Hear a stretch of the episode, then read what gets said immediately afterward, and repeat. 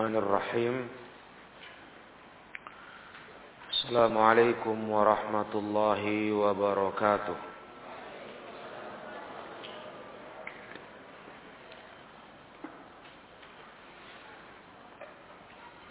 الحمد لله نحمده ونستعينه ونستغفره ونعوذ بالله من شرور أنفسنا ومن سيئات أعمالنا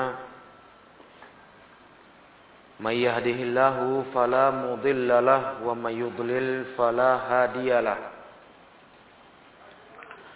أشهد أن لا إله إلا الله وحده لا شريك له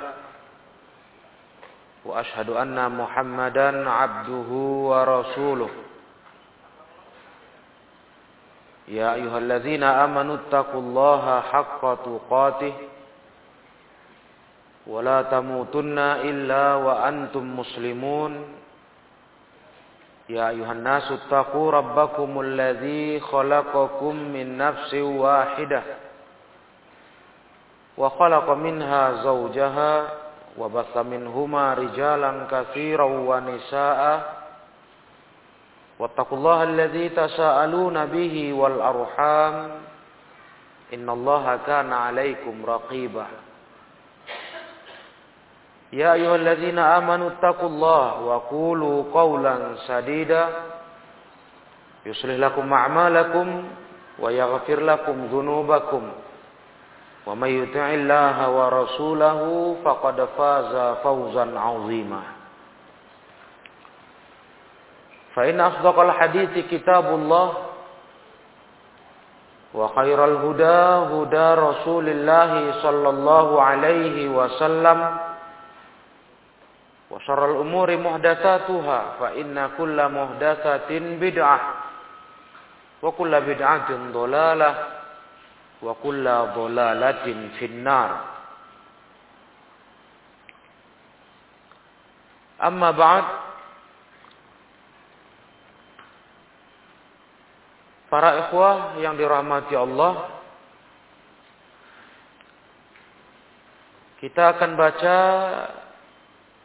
untuk melanjutkan pelajaran Kitabul Buyu' sampai hadis 679.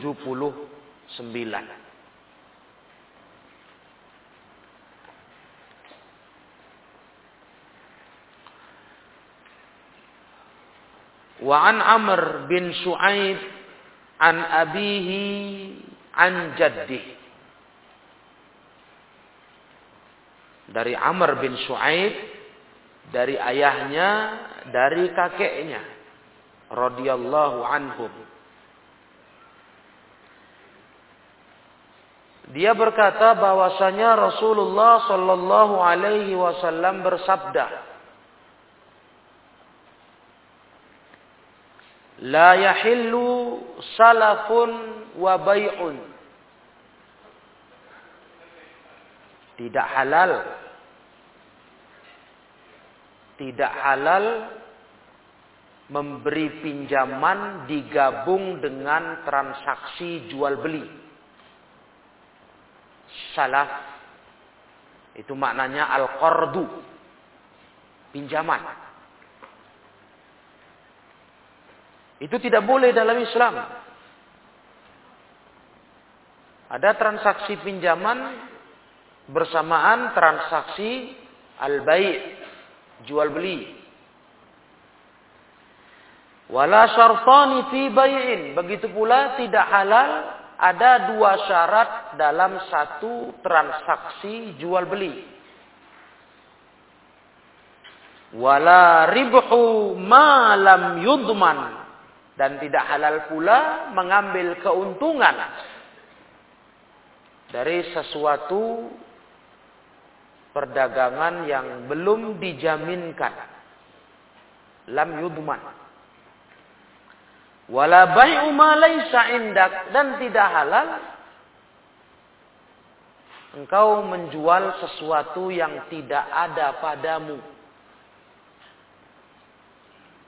Hadis ini riwayat yang lima disahihkan Imam Tirmizi, Ibnu Khuzaimah dan Imam Hakim. Jadi hadis ini ma'asyurul ikhwah berisikan larangan larangan dalam jual beli. Wa akhrajahu fi ulumil hadis min riwayati Abi Hanifah an Amr al-Mazkur bilafzin. Ada juga dalam ulumul hadis riwayat dari Abu Hanifah dari Amr yang tadi disebutkan di atas tapi lafadznya sedikit beda. Lafadznya begini, naha an bai'in wa syartin. Nabi melarang dari satu transaksi jual beli yang ada padanya pensyaratan. Itu sedikit beda lafadznya dari hadis sebelumnya. Wa min hadzal wajhi akhrajahu at-Tabrani fil Awsat wa huwa gharib. Dari sisi lafat inilah Imam At-Tabrani meriwayatkannya di kitabnya Al-Awsat. Dan ini adalah satu hadis yang dianggap gharib. Hadis yang gharib. Kesimpulan ya kalau dari sisi sanad hadis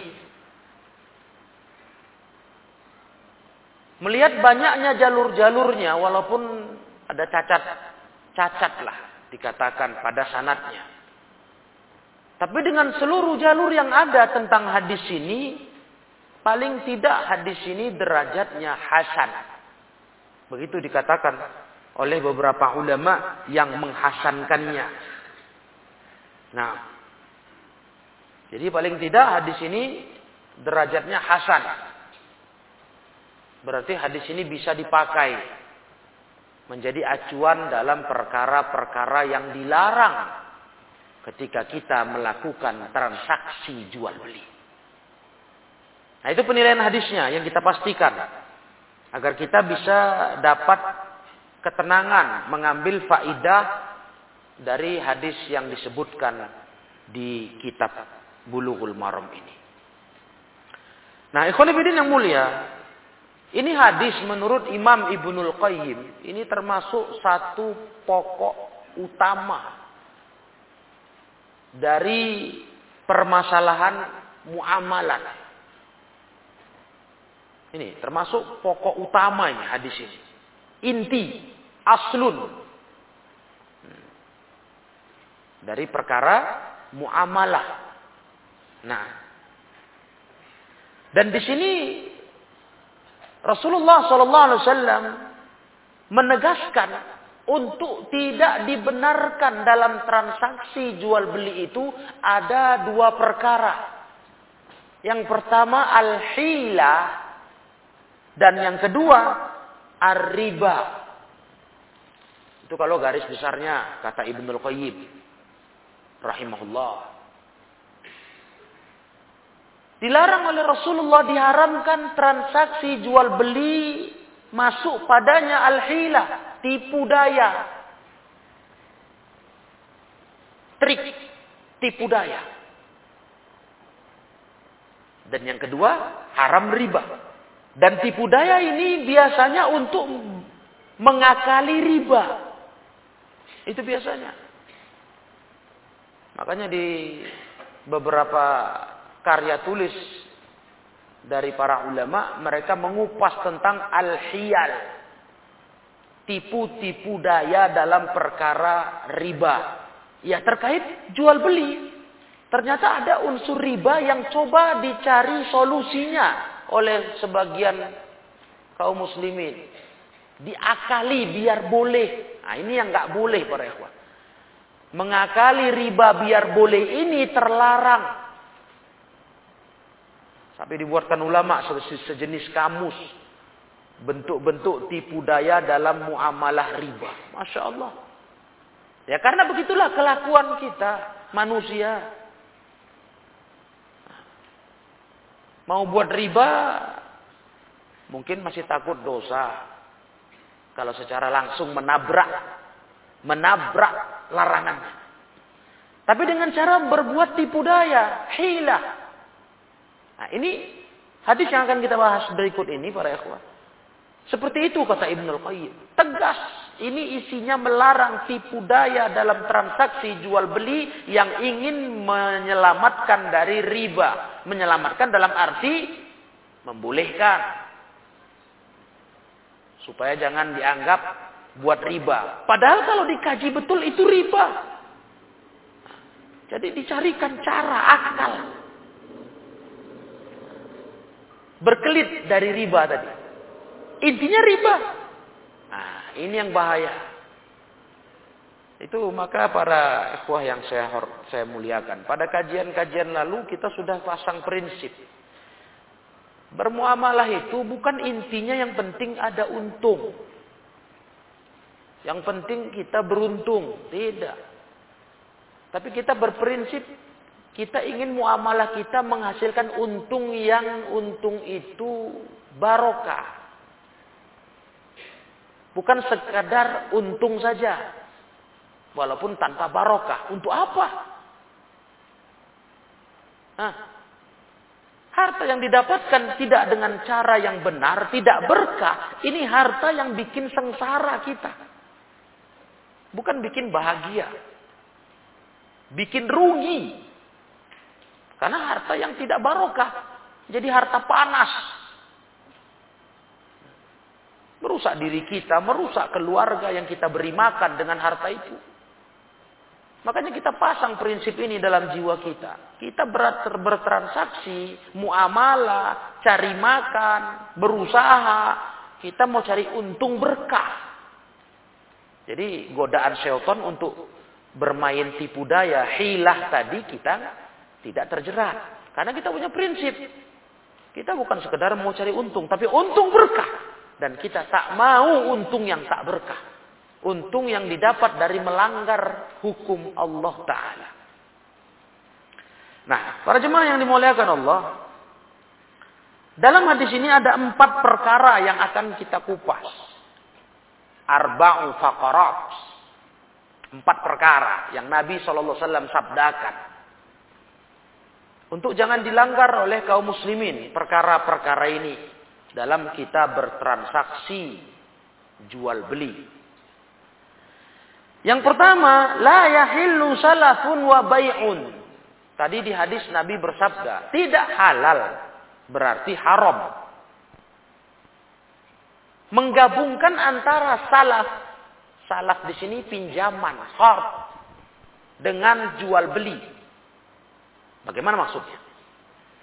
Dalam hal ini, ma'asyurul ikhwah rahimakumullah, banyak penafsiran dari para ulama tentang maksud hadis ini.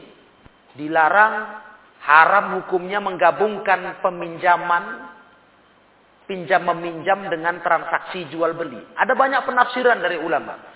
Nah berikut ini yang paling terbaiknya, paling dekat kepada kebenaran yang dibimbingkan kita oleh Syekh pensarah kitab Bulughul Maram adalah sebagai berikut pemahaman yang ini yang mudah-mudahan paling benar, paling baiklah, paling dekat kepada kebenaran.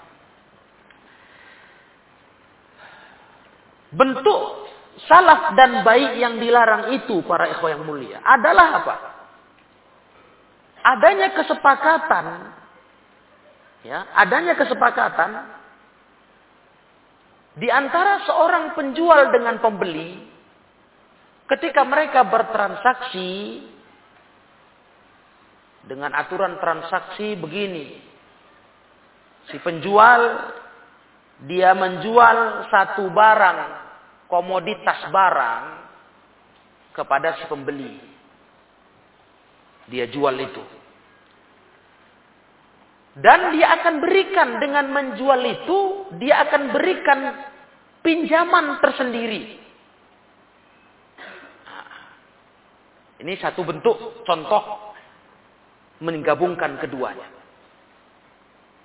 Tapi ikhwan ibidin yang mulia, bentuk menjualkan barang yang dia syaratkan dalam transaksi kedua ada peminjaman juga dari uang itu harga yang menentukan penjual. Artinya si pembeli harus terima. Ini contoh pertama. Kamu akan saya beri pinjaman sekian. Tapi ini barang kau bayari sekian. Tentu dalam hal ini ya si penjual menurunkan harga. Menurunkan harga. Ya, dalam arti menurunkan harga di sini, harga yang menguntungkan dirinya. Ya, atau lebih tepat menaikkan lah kalau dia mau untung untuk dia. Nanti menurunkan di contoh kedua ya. Menaikkan harga. Yang mestinya si pembeli kalau dia mau lurus saja, tentu dia pilih harga jangan segitu. Tapi karena dia ada keuntungan dipinjamkan sesuatu seperti uang, dia pun terimalah dengan harga si penjual yang cenderung tinggi. Nah, ini kalau si penjual yang mensyaratkan barangnya dibeli. Dia kasih harga tinggi. Ini contoh pertama. Berarti di mana para yang mulia? Keuntungan si penjual tadi apa yang dia pinjamkan misalnya satu juta. Tentu ini nggak boleh ada riba kan? Nggak boleh.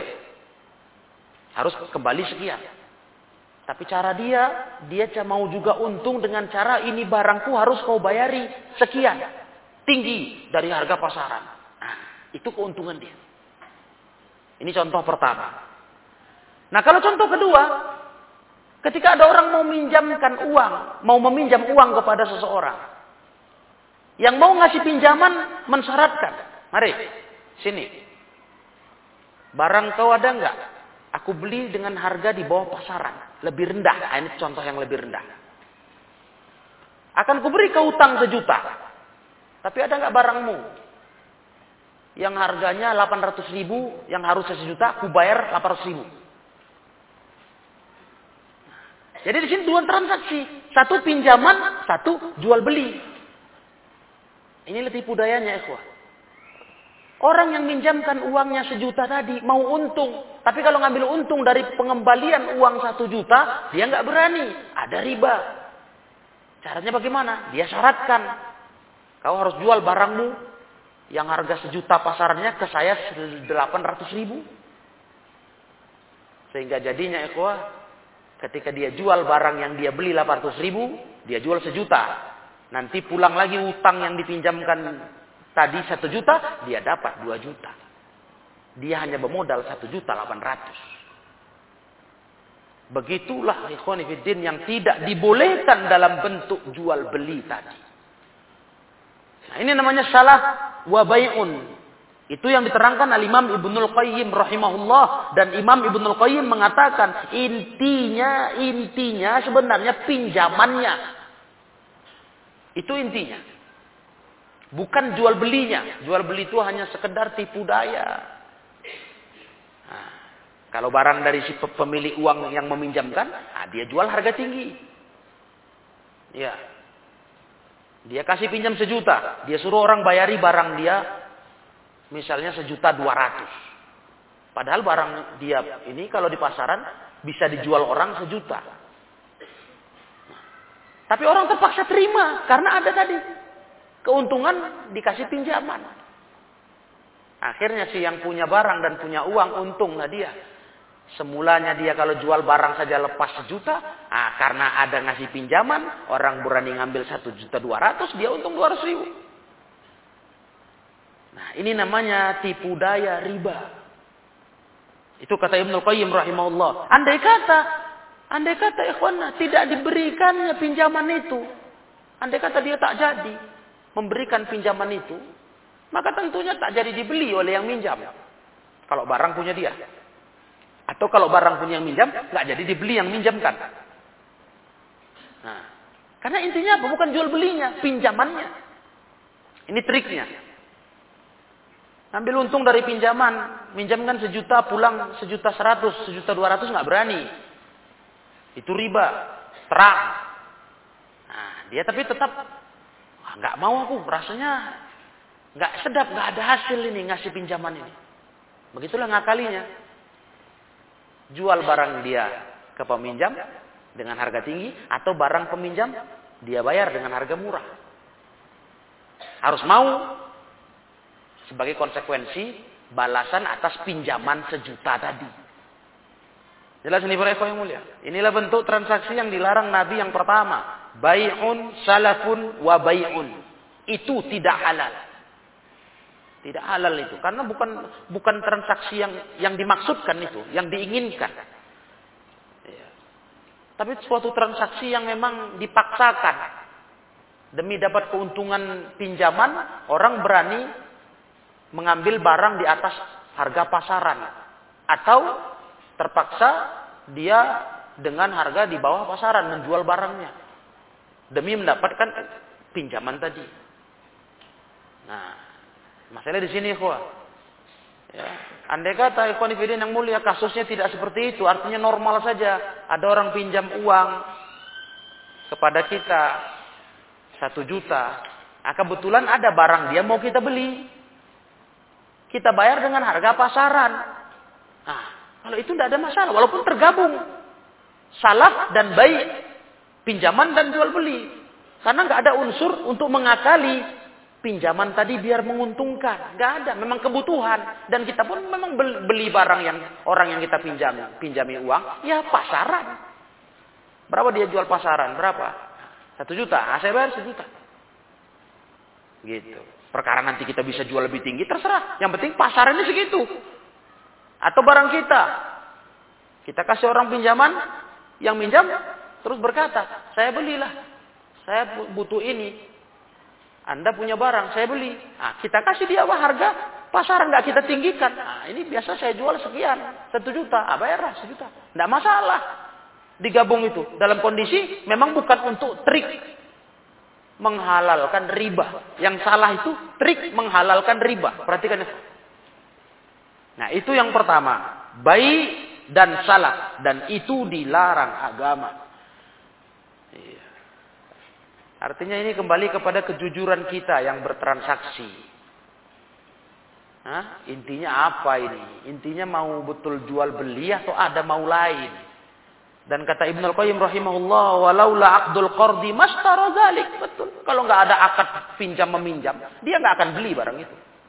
Karena belinya itu karena ada akad ini. Jadi ibarat kayak sejenis balas jasa. Beli itu dengan kalau itu barang yang ngutangin, minjamin uang, nah dengan harga tinggi. Nah kan nggak bener ini. Atau kalau itu barang yang punya uang yang minjamkan, dia beli. Nah, kalau barang yang minjam, dia beli dengan harga rendah oleh si, pemberi pinjaman. Nah, Intinya dua-dua mau cari untung bagi si pemilik harta yang ngasih pinjaman. Begitu. Nah, ini yang nggak boleh dalam syariat. Ikhwanifiddin. Mestinya kita normal-normal saja.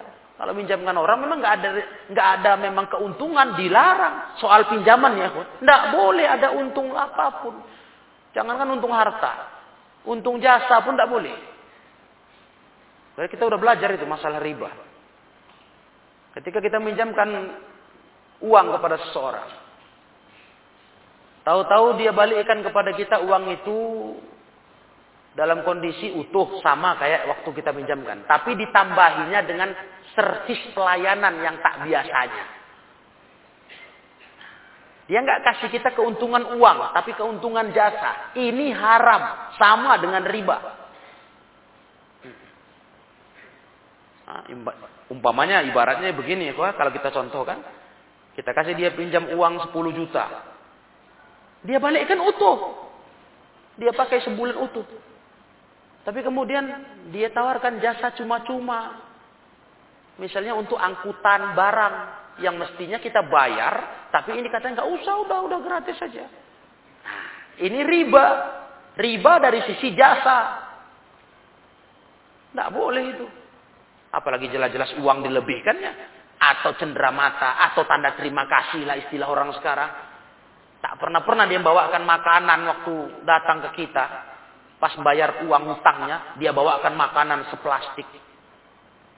Ini untuk anak-anak katanya. Ah ini riba. Bawa pulang aja bilang. Eh, iya, nggak pernah-pernah. Biasa kering aja datangnya kok basah. Biasa nggak pernah tahu bawa oleh-oleh. Dipemulangkan uang mau dikasihnya kita oleh-oleh. Buah tangan. Gak bisa. Kok ini riba. Kecuali udah biasa dia, nggak ada pinjam meminjam pun selalu aja kalau datang ke rumah kita berkunjung ngasih makanan, udah biasa. Maka ketika dia datang lagi memberi sesuatu, bukan karena faktor mulangkan utang, bukan, memang biasa pun dia begitu, ah, itu boleh. Beda itu ikhwah, antara orang yang memberi karena sesuatu dari kaitan dengan pinjaman tersebut. Nah begitu para jemaah yang mulia, poin pertama yang dilarang agama. Salafun wa bay'un. Dipahami baik-baik ini ya agar kita tidak terjatuh dalam transaksi seperti itu. Kemudian yang kedua wala syartani fi bai'in tidak pula dihalalkan ada dua syarat dalam satu transaksi jual beli. Nah, ini pun sama seperti poin pertama. Banyak penafsiran dari para ulama. Banyak. Ya, beda-beda mereka memahami tentang kalimat larangan dua syarat dalam satu jual beli. Kalau mazhab Hambali mengatakan yang dimaksudkan dengan syarat yang dilarang itu dua syarat dalam satu transaksi jual beli. Nah, si pembeli mensyaratkan kepada si penjual umpama setelah mereka bertransaksi ada syarat dari pembeli. Nah, ini ku bayari lah ini, ku tapi syaratnya begini. Nah, syarat yang dia beri ada dua macam. Umpamanya beli kain, dicontohkan di mazhab Hambali, beli kain. Ketika dia beli kain, dia syaratkan kepada penjual. Nah, syarat pertama, nanti udah saya beli, ini kain kau pisahkan. Yang kedua, yang sepotong lagi kau jahit. Nah, dua syaratnya. Satu dipisahkan, satu lagi dijahitkan misalnya. Itu kata mazhab Hambali ketika mereka ngasih contoh. Nah, ini tidak sah. Kenapa? Dia menggabungkan dua syarat dalam satu transaksi jual beli. Yang boleh itu yang sudah kita belajar di pelajaran awal kita buluyo. Kalau kita ngasih syarat itu satu syarat saja. Nah itu pemikiran madhab hambali. Begitu maksud dua syarat dalam satu transaksi jual beli yang dilarang. Tetapi para ikhwan yang dirahmati Allah, ada tafsir yang lebih baik lagi daripada penafsiran itu, kata Syekh. Ini insya Allah lebih baik lagi. Bentuk contoh konkret dari larangan dua syarat dalam satu jual beli. Yaitu apa? Yang diterangkan oleh Al-Imam Ibnul Qayyim rahimahullah. Dua syarat dalam satu jual beli itu ditafsirkan begini. Si penjual berkata, "Khudh hadhihi sil'ata bi asratin naqdan." Misalnya ada seorang penjual berkata, "Ini kau bayari barang ini kau bayari barang ini dengan 10 real umpamanya atau dinar atau dirham. Nah, kontan. Nah, ini kau bayar kontan.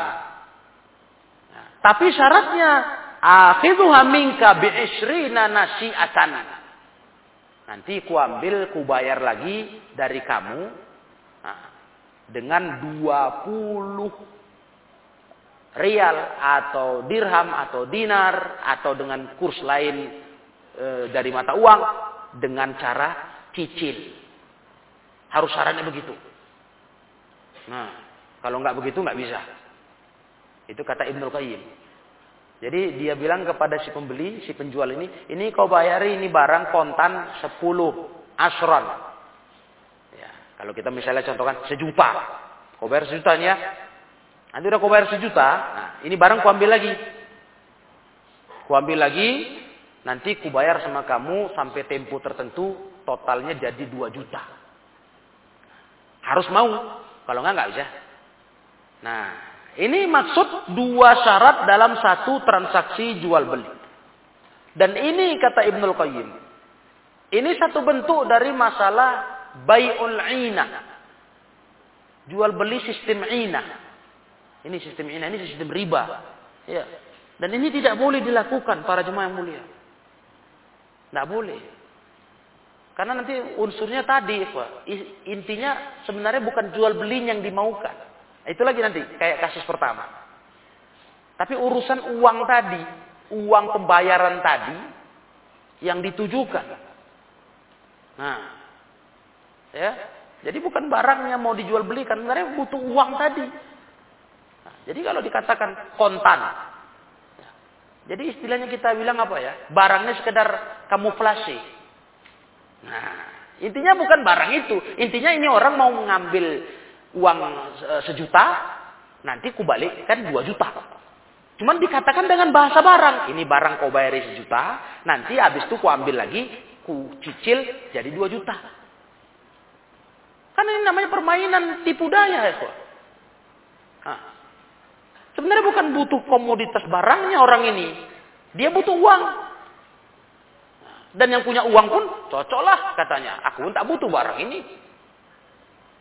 Eh, cuma secara secara apa saja lah, hitung-hitungan saja, ibarat ini ku ambil, kau ku kasih sejuta, nah ini terus kau beli lagi, jadi cicil 2 juta. Jadi aku nggak urusan barang, urusannya kau nanti bayar aku atas nama barang itu 2 juta. Sebenarnya kan mau bilang begini kok, pinjam sejuta bayar 2 juta. Itu sebenarnya. Cuman ditipunya dengan cara barang. Nah itu dia. Itu penafsiran yang lebih lebih baik katanya ulama dari Syekhul Islam Ibnul Qayyim rahimahullahu taala. Subhanallah mereka. Memang luar biasa ya tipu daya riba ini. Ini semua tipu daya riba ini. Dan memang banyak penafsiran lain dari kalimat ini. Sehingga kalau kita telusuri lebih dalam dan sangat luas, memang luar biasa ilmu ini. Karena masalah muamalah ini luar biasa ya, Luar biasa. Ulama banyak berbicara. Namun karena kita ingin menyederhanakan pembahasan hasyarah hadis ini, nah ini yang saya sampaikan ke ikhwas sekalian. Iya. Sesuai dengan bimbingan pensyarah kitab Bulughul Maram Syekh Abdullah Abdullah Al-Bassam. Nah, yang ketiga yang dilarang Nabi, wala ribha malam yudman. Tak boleh ngambil untung dari barang yang tidak dijaminkan. Nah, poin ini Ikhwanifidin yang mulia sama juga banyak tafsir-tafsirnya dari ulama. Pengertiannya apa itu? Tetapi Ikhwanifidin yang mulia, pengertiannya itu sebenarnya apa yang sudah kita kaji di hadis-hadis sebelumnya. Yaitu apa? Yaitu tidak bolehnya kita mengambil keuntungan dalam transaksi jual beli atas barang yang belum kita pegang. Kobot. Baru kajian malam Jumat lalu kita bahas. Belum dikobot, dipegang, dimiliki. atau dalam bahasa yang kajian malam Jumat lalu, diangkut, dipindahkan. Nah itu. Karena apa mereka yang mulia? Karena yang namanya transaksi jual beli itu, kalau belum pindah tangan ke kita sebagai penjual barang yang kita jual, nanti penjaminan atas barang itu terjadi sesuatu kesamaran. Karena kita belum pegang. Nah, so penjamin atas benarnya barang itu, barang itu betul-betul absah. Itu kan harusnya si penjual yang megang barang. Ah, ini aku yang jamin. Nah, adapun kalau tak dia pegang hanya pindah tangan seperti dunia maya nanti akan saya singgung masalah jual beli online ini. Ah ini kan gawat ini. Nabi larang jangan kau ambil untung sesuatu barang yang belum dijaminkan. Artinya belum jadi positif. Kau yang jaminkan. Masih hanya sekedar status saja. Nah, kita jualkan, kita alih tangan saja. Nah, ini nanti terkait dengan penjaminan atas barang yang dijual itu. Nah, begitu. Dan para jemaah yang dimuliakan Allah, andai kata nanti barangnya talifat rusak, bagaimana? Hah? Kalau kita cuma sekedar uh, alih tangan saja, bukan dari kita langsung barang itu kita salurkan kepada si pembeli, tapi dari pihak yang lain, nah, kita hubungkan. Nah, bagaimana? Mana jaminannya nanti? Jaminan yang harusnya dari pembeli, yang harusnya dari pem, dari penjual, ketika menjual barang itu, sebelum dia pegang barang itu, penjaminannya nanti akan jadi rancu. Tidak ada kepastian. Nah, bisa saja dia berkelit. Ah, ya. Bagaimana saya bisa dituntut? Saya aja belum pegang barang itu. Nah, ini jadi timbul masalah nanti ikhwanifidin yang mulia. Iya kan? Saya belum pegang, saya belum cek. Maka kita kita terus dia lemparkan kita kepada pihak yang yang mem, mem, membayar apa menyalurkan pihak ketiga. Wah, ini jadi kekacauan yang tak diinginkan dalam syariat. Dan itulah ikhwah yang terkait dengan poin keempat. Wala bai'a ma laisa indak. Dan jangan kau jual beli sesuatu yang tak ada pada dirimu. Kaitannya itu sama. Poin keempat ini sama poin ketiga ada kemiripan kata ulama. Ya, sesuatu yang tidak kau miliki, kau punyai, ya, tidak dalam wewenangmu, tapi kau jual itu ke orang lain. Itu pun dilarang Nabi Shallallahu Alaihi Wasallam. Ikhwan yang dimuliakan Allah. Ada satu hadis dari Hakim bin Hizam. Dikeluarkan Imam Nasai. Beliau pernah berkata, Ya Rasulullah, ya'tini rajul fayuridu minnil bai' laisa indi fa'abta'uhu lahu minas suq Sahabat yang mulia ini datang ke Nabi ya Rasulullah. Beliau tanya, ada orang datang kepada saya. Dia ingin saya menjualkan sesuatu barang yang aku nggak punya. Ya, aku tidak punya. Bolehkah aku jualkan barang untuk dia? Ku ambil dari pasar. Boleh nggak itu ya Rasulullah? Mendengar itu Rasulullah berkata, La tabi' ma laisa indaka. Jangan coba-coba kau jual apa yang tidak ada padamu. Begitulah hadisnya. Nah, dari sinilah munculnya pertanyaan yang cukup sering diperkarakan terkait dengan sistem jual beli online. Di awal muncul dan semaranya sistem itu, itu jadi perhatian publik tentang hukumnya. Bagaimana ini? Apalagi sekarang ada namanya marketplace. Yang memang ini ibaratnya satu wadah perantara antara pemilik barang dengan konsumen. Nah, sekarang trennya begitulah kalau kita lihat. Bagaimana tidak? Asih itu aja mak-mak nih sudah. Iya kan? Dapat kemudahan, nggak perlu keluar rumah. Iya. Online kan terus. Mau perlu apa online? Beli online, datang kurir, bayar, COD. Bagaimana ini sebetulnya? Kena nggak hadis ini? Itu masalahnya.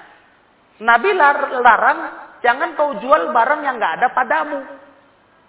Marketplace ini nggak ada barang sama dia, ya nggak ada yang ada di penjual-penjual itu. Nah, kan begitu. Dia nggak ada barang semua yang ada di, diiklankan tuh numpuk di kantornya nggak ada, nggak ada itu. Nah, jadi dia meneruskan nah, kepada pihak-pihak penjual penyedia barang. Kita pesan ke marketplace ini, kemudian dia berhubungan dengan pihak penyedia barang baru dikirimkan ke konsumen sesuai alamat.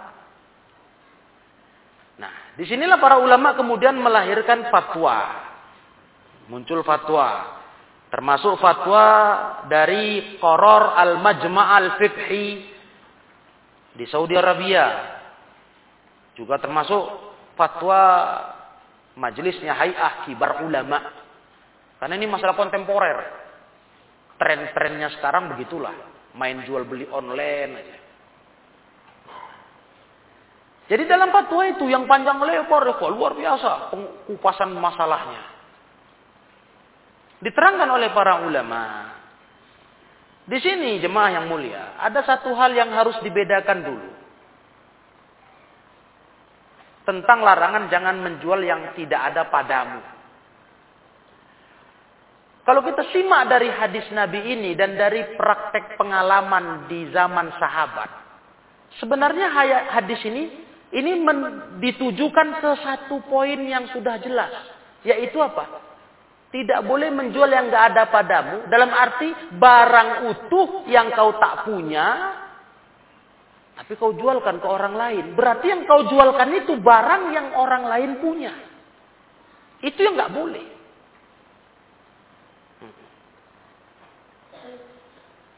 Kalau itu ya salah lah ikhwah.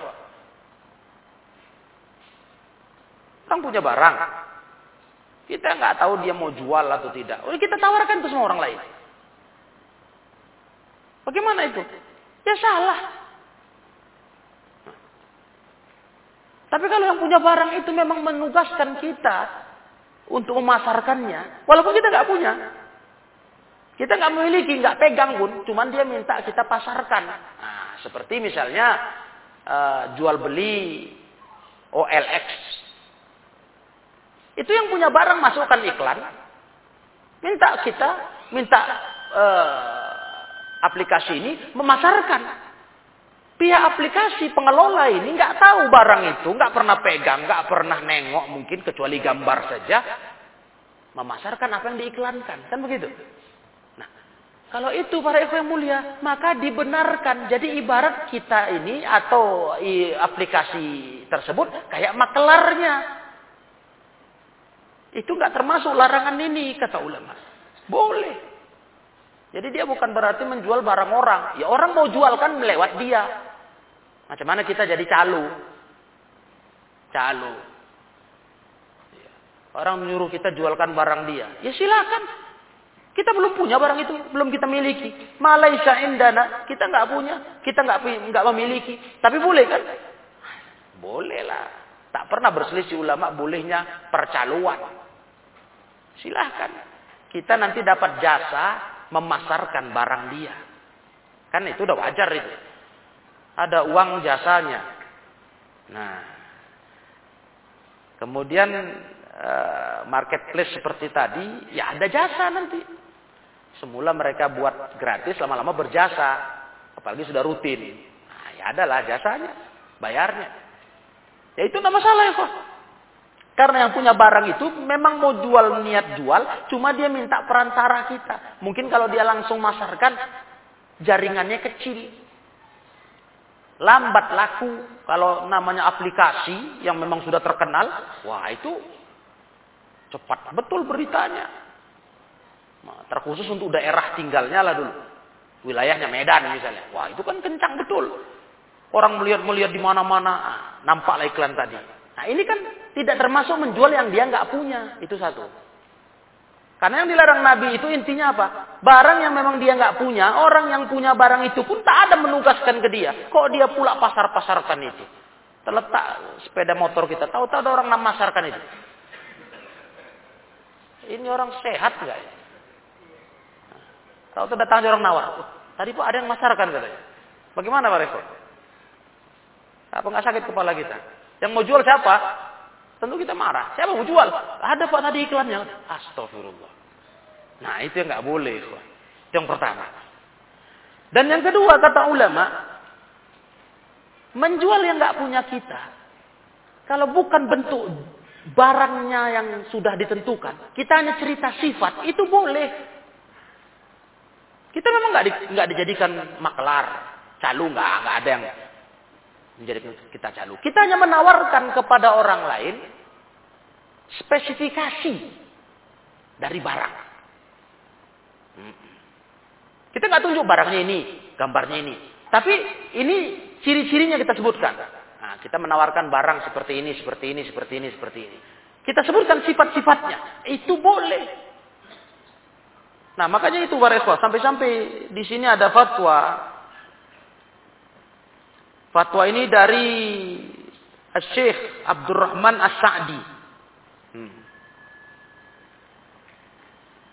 Syekh Abdurrahman As-Sa'di menerangkan, kata beliau, Alladhi yumna bay'ul mawsuf fi zimmah wa yuhtajju wa yahtajju bi hadith wa tabi' ma laysa indak fihi nazar. Kalau ada orang melarang menjual sesuatu yang disifati, sifatnya saja ya, ciri-cirinya, spesifikasinya, termasuk yang dilarang dalam sabda Nabi, jangan kau jual kecuali yang kau punya. Ini sistem hujahnya perlu dipertanyakan kata Syekh Asadi. Artinya nggak benar itu, bukan begitu maksud Nabi. Nah, karena yang Nabi maukan itu kita tunjuk barang yang orang punya. Ya, ini yang mau dijual ini dia. Nah, itu nggak boleh. Tapi kalau kita sebutkan, kita menjual barang secara sifat umum lah. Misalnya menjual perabot rumah tangga, lemari, rak piring, Kita nggak sebut ini barangnya, tapi kita sebut secara umum. Nah, siapa mau siapa mau beli? Kami menyediakan rak piring, lemari, perabotan rumah tangga. Kami sediakan itu kalau ada pesanan. Kita belum punya itu, belum kita belum kita stok loh. Yang kita tawarkan itu ke di di di uh, online ini, transaksi online. Kita belum belum belum punya stok di rumah, cuman kita tawarkan. Nah, dan itu para ikhwah kata Syekh Sa'di tidak benar kalau dianggap itu keliru dengan dalil tadi. Tidak benar itu. Karena fal hadisu ya dulu ala man'i bai'il ain. Hadis itu menunjukkan melarang jual beli yang nggak kita punya, yang bentuk barangnya ada. Artinya barang yang bukan punya kita. Kita bilang ini yang mau dijual. Nah, itu nggak boleh. Walaupun kita ambil dari uh, apa namanya foto barang orang. Nah, kita bilang dijual ini nah, kayak iklan OLX tadi.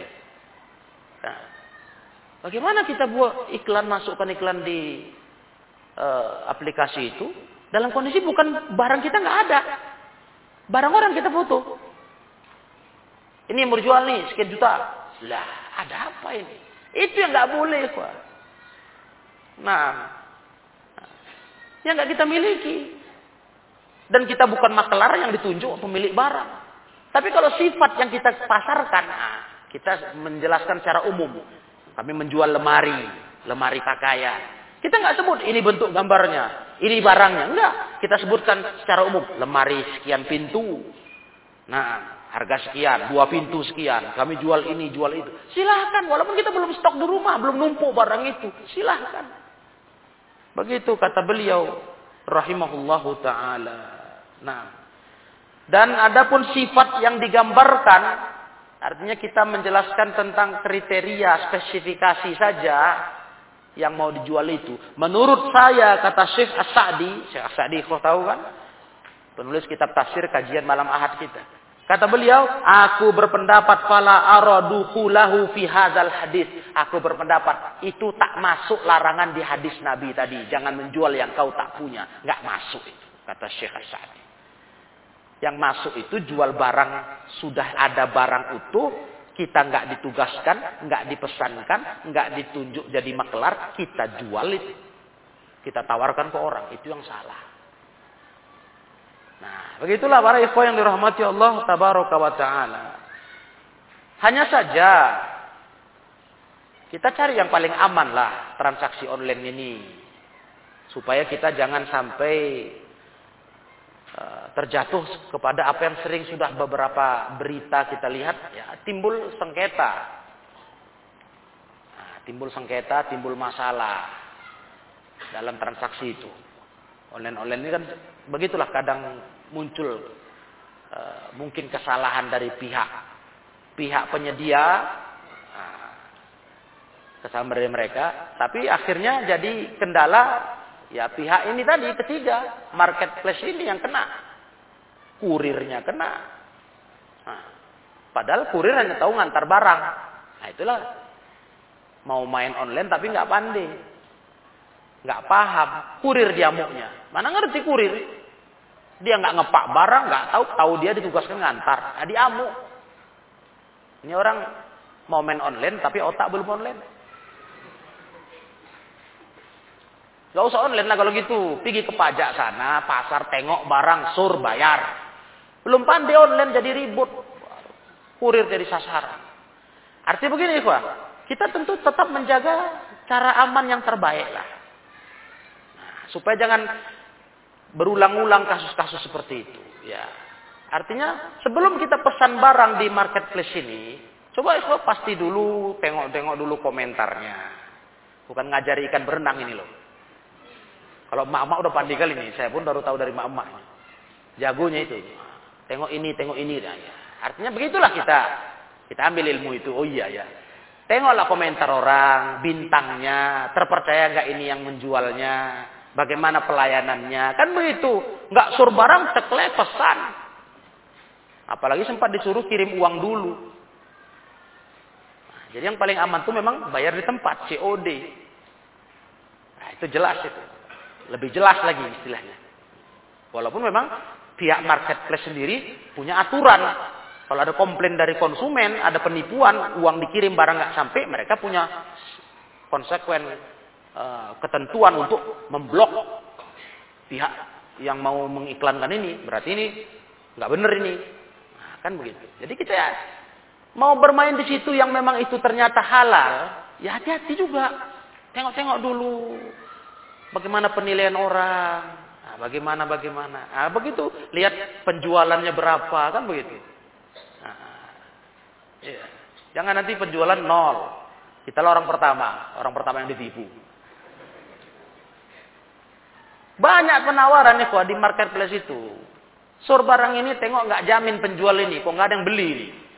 Komentar orang pun nggak ada ini. Nah, ya tengok yang lain, toko lain. Pelan-pelan saja. Artinya begitulah kita. Menjaga jangan sampai terjatuh ke dalam kerusakan muamalah ini. Ini kan tren-tren sekarang nih online ini. Ya memang memudahkan, masya Allah. Biar nggak pula banyak melasak kali mak-mak nih ke mall. Karena perempuan lebih baik di rumah ya ibu-ibu. Jadi nggak nggak lagi kayak zaman dulu. Mesti ada tiap pekan maunya ke mall, jalan cuci mata aja kerjanya. Nah sekarang udah cuci mata di HP, tengok barang mau apa, pesan. Mendukur-ukur lah, jangan semua barang mau selera dipesan. Terakhir uang pun habis gara-gara itu. Nah, itu sekedar mengingatkan saja para umat kita, ya kan. Nah, eh baguslah, lebih banyak di rumah, ya. Selera pun dapat, kebutuhan terpenuhi. Nah, sistem online ini jangan ragu lagi, nggak boleh dibenarkan. Nah, dan makin lama, makin hari sepertinya kalau saya pelajari pihak marketplace ini semakin memperketat aturan mereka supaya menghindari tadi. Makanya kalau kita ada merasa terugikan, ya kasih komentar. Nah, kita kasih komentar, kritikan, ketidakpuasan. Nah, itu mesti. Jadi mereka bisa menilai. Kalau memang satu toko ini memang sudah begini tingkahnya, nggak beres begini, ya mungkin mereka bisa ambil tindakan.